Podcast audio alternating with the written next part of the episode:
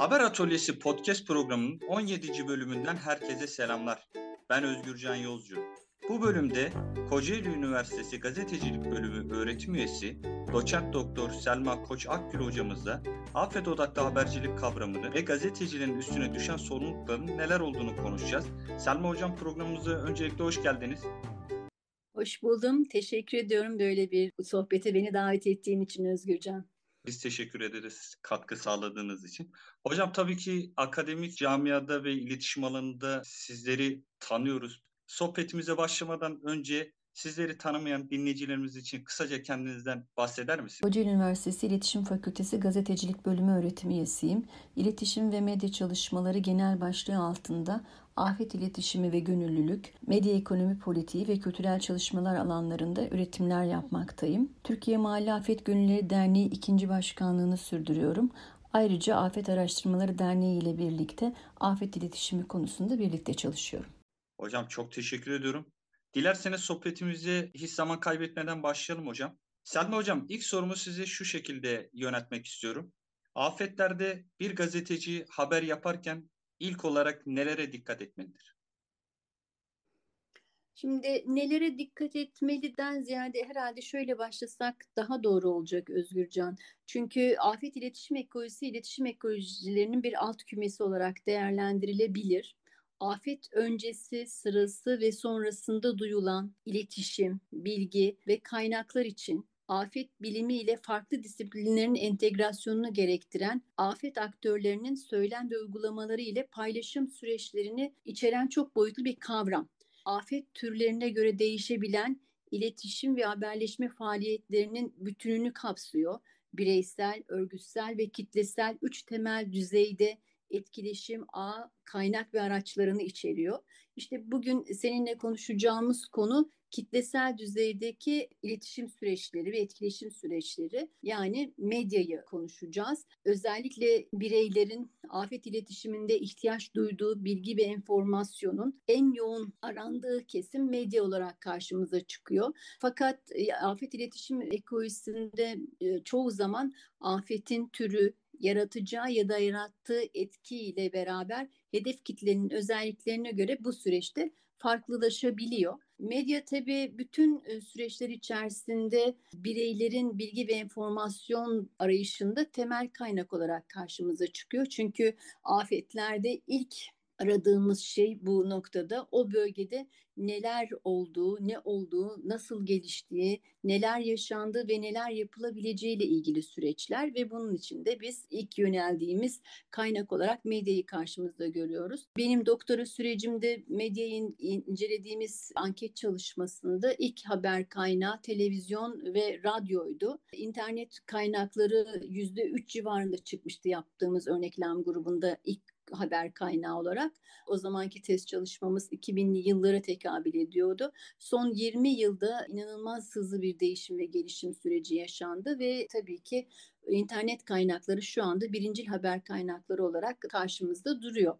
Burada haber içerikleri oluşturulurken medyanın çok dikkatli olması gereken bazı hususlar var. Gazetecilik boyutuyla baktığımızda haber içerikleri oluşturulurken mutlaka ne tür ihtiyacın olduğu, hedef kitlenin özelliklerinin ne olduğu, ve bu noktada e, buna uygun olarak iletişim araç ve kanalına göre de haber tasarımının yapılması gerekliliği konuları önemli. Bence ilk akılda tutulması gereken ve unutulmaması gereken en önemli nokta belki şu.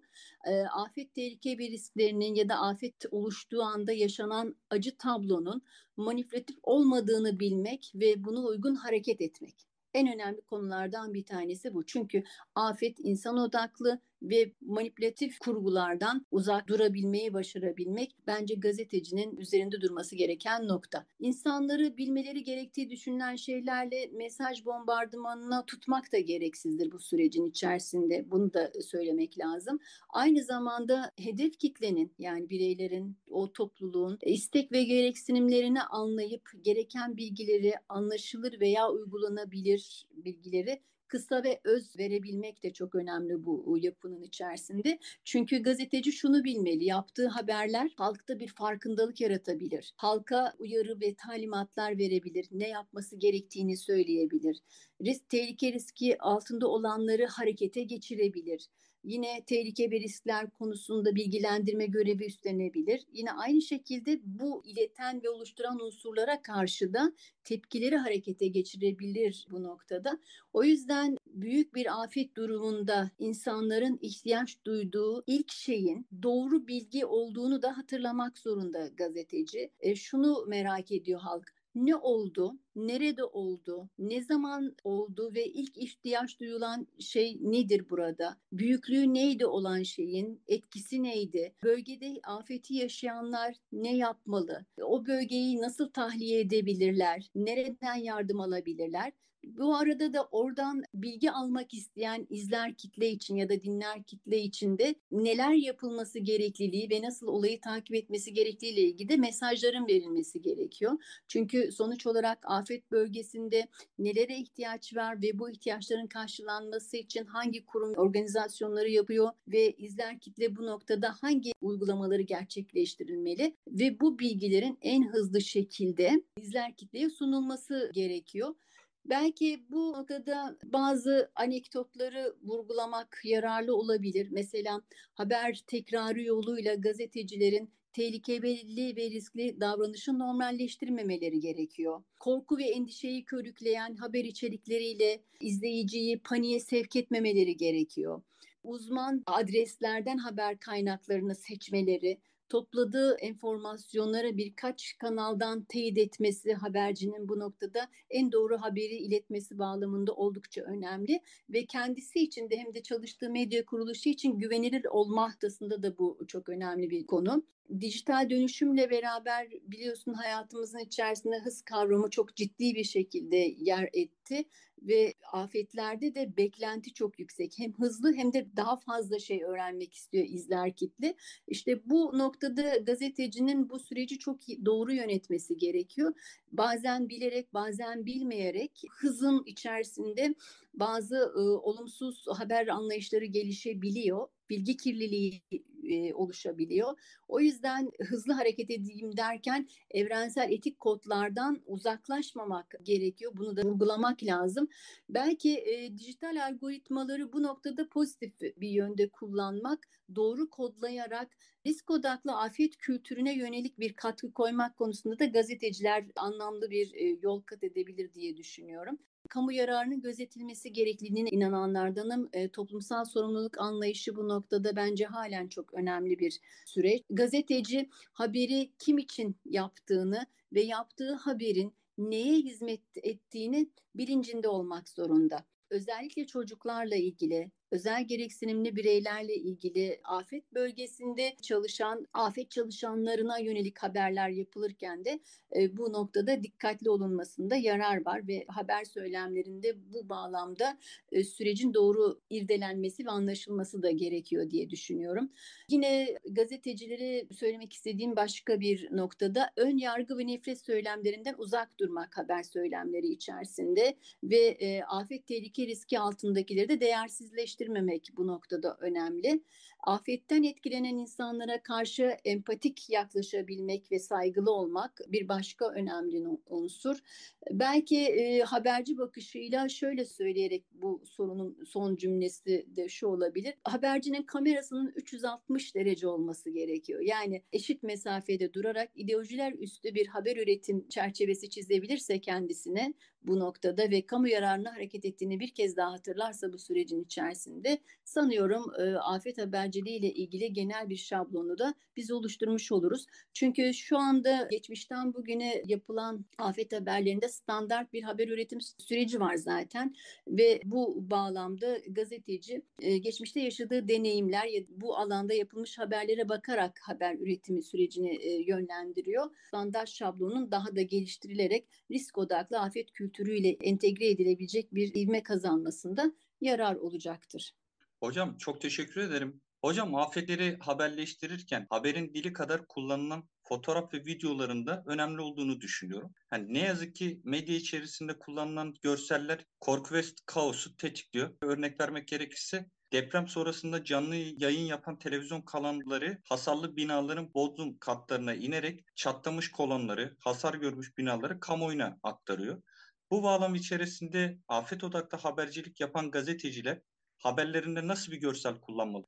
Tabii burada özellikle gözyaşı, öfke, acı görüntü sunan fotoğraflar kamu gündeminde medyayı daha da güçlü kılıyor.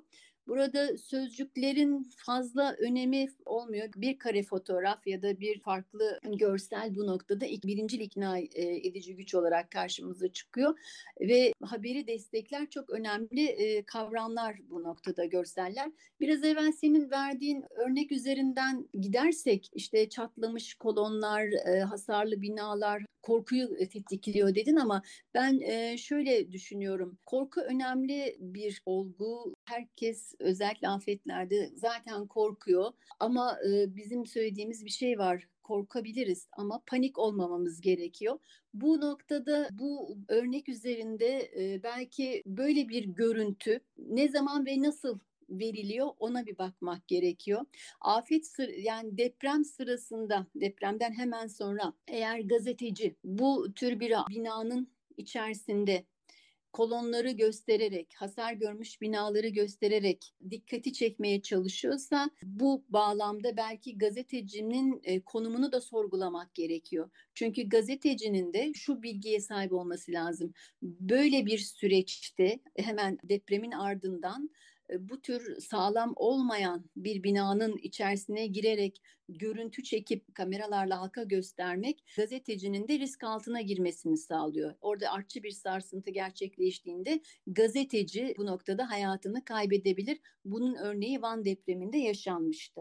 Ancak deprem öncesinde yani afet öncesinde yapı stoğuyla ilgili bir güvenlik sorunu anlatılmaya çalışılıyor. Hedef kitlede bu tür binalarda oturan kişilerin binalarını kontrol etmeleri, ettirmeleri, güçlendirmeleri, gerekirse bununla ilgili kentsel dönüşüm programının içerisinden yararlanmaları ile ilgili bir bilgilendirme süreci geç, e, anlatılıyorsa o zaman tabii ki bu tür e, görüntülerin gösterilmesinde yarar var. Ancak afet öncesi, afet sırası ve afet sonrasında ne tür görüntülerin haberin içeriğini destekleyeceği ve burada korku unsurunun hangi noktalarda verilebileceği konusu oldukça önemli bu yapının içerisinde. Bunu rahatlıkla söyleyebiliriz. Yine bu bağlamda belki görselleştirme ile ilgili olarak özellikle izleyicileri ekrana kilitleyebilmek için e, afetten zarar görmüş, on, dramatize edilmiş haberlerle entegre edilmiş ve daha fazla olayı eksejene etmiş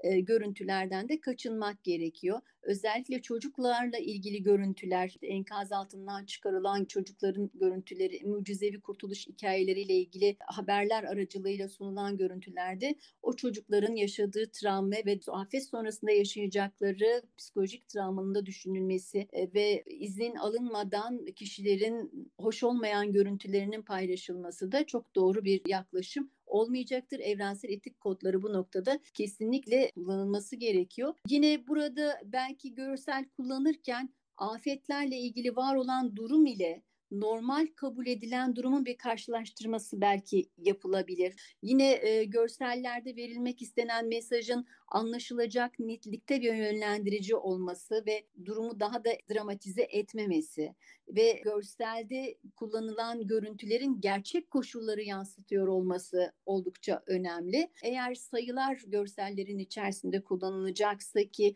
COVID-19'da biliyorsunuz infografikler kullanıldı bu noktada. O grafiklerin ve illüstrasyonlarında anlaşılır olması kesinlikle gerekiyor. Görsel anlatıyı destekleyecek şekilde tasarlanmalı. Bunu söyleyebilirim görsellerle ilgili olarak. Görsel ama mutlaka e, bu noktada insanların kendisini daha kötü hissetmesini sağlayacak ve duyarsızlık kalkını geliştirecek görseller olmamalı.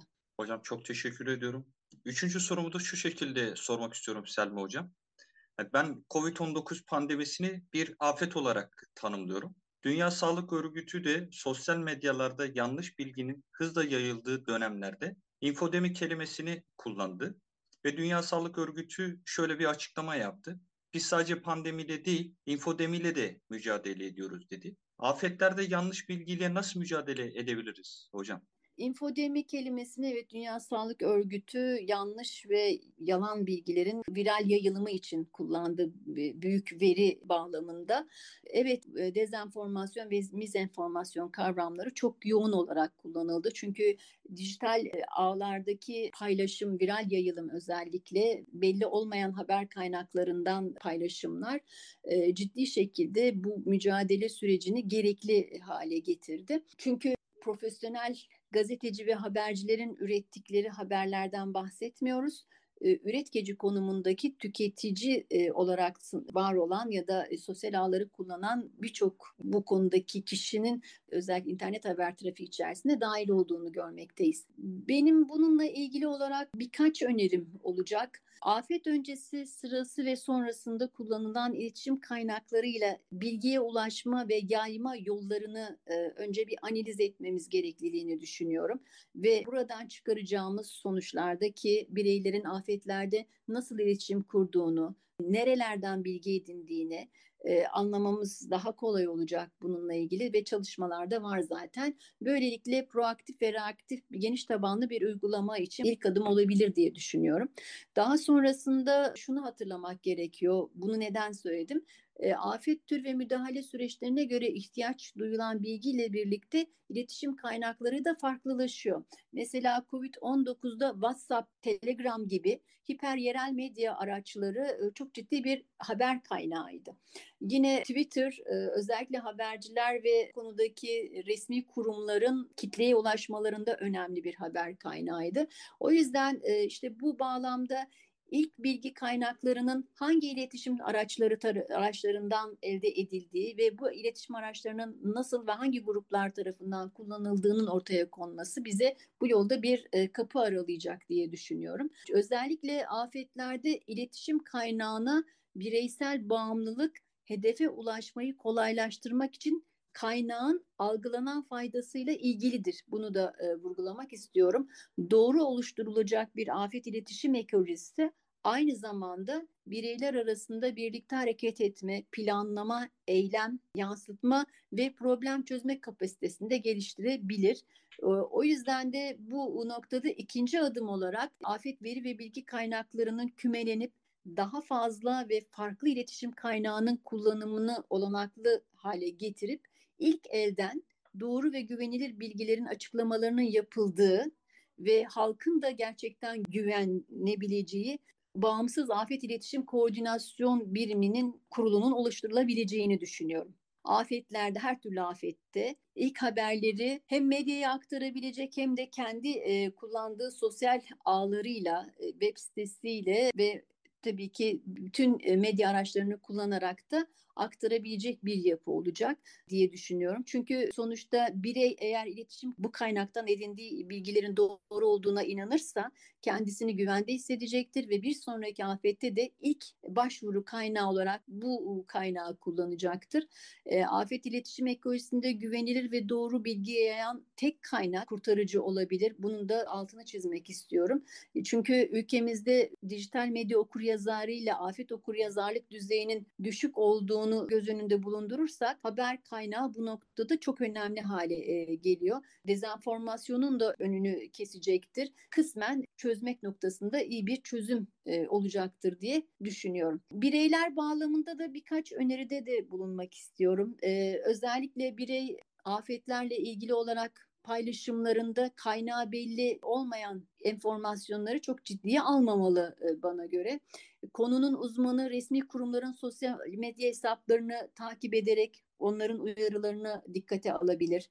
Yerel, ulusal ve uluslararası haber ajans ve sitelerinin haberlerini takip edebilir bu noktada. Eğer herhangi bir iletişim kanalından gelen ya da paylaşılan mesajın doğruluğundan emin değilse de bu konuda bir paylaşım yapmamasında yarar var. Bireysel olarak da e, temel afet bilinci, ilk yardım eğitimi, afet okur yazarı olmak için daha duyarlı ve gönüllü bir çizgide yer alabilir diye düşünüyorum.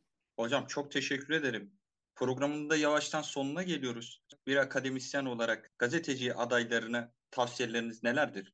Gazetecilerin afet okuryazarlık yetkinlikleri arttırılırsa yine afet döngüsüne uygun kesintisiz, nesnel ve objektif haber üretecekleri de bir ortam sağlanırsa ki bu sadece gazetecinin çabasıyla olmayacaktır. Mutlaka çalıştığı medya kurumlarının da bu noktada gazeteciye uygun şartları sağlaması gerekir. Ülkenin kültürel ve demokratik koşullarının da bu sürece zemin oluşturması oldukça önemli. Böylelikle belki risk odaklı haber anlayışını geliştirme noktasında da bir hayli adım atılmış olur. Ve hem gazetecinin hem de medya işletmelerinin afet iletişim planlarının olması gerekliliğini de söylemek lazım. Ee, okurda üretilen haberler konusunda karşılığı olmayan bilgi ve enformasyonun hayatta tutunmak için yeterli olmayacağını gazetecinin bilmesi gerekiyor sunduğu haberlerle. Belki son söz olarak şunu söylemek lazım bazı gerçekleri anlamak için benzer afetleri tekrar tekrar yaşamamıza gerek yok. Ülkemizin ne kadar e, sık e, farklı afet türleriyle mücadele ettiğini hep beraber zaten birlikte yaşıyor ve görüyoruz. E, bu noktada e, daha derinlikli farklı boyutlarının olduğunu da altını çizerek ben sözlerime son vermek istiyorum. Hocam çok teşekkür ediyorum. Dediğinize de katılıyorum. Afet iletişim ve afet odaklı habercilik kapsamlı ve çok geniş bir konu. Hani bunun işte çocuk boyutu, engelli boyutları, arama kurtarmalarda yapılan çalışmaları da habercilik pratiklerinde ve afet iletişiminde ele almamız gerekiyor. Sizi bu süreçleri uzun uzun konuştuğumuz bir programında tekrardan ağırlamak isteriz Selma Hocam. Çok teşekkür ederim. Seve seve. Selma Hocam, tavsiyeleriniz ve programa katkınız için çok teşekkür ediyorum. Ben teşekkür ederim. Haber Atölyesi podcast programının sonuna geldik. Bizleri dinleyen, dayanışma gösteren herkese çok teşekkürler. Dayanışmayla.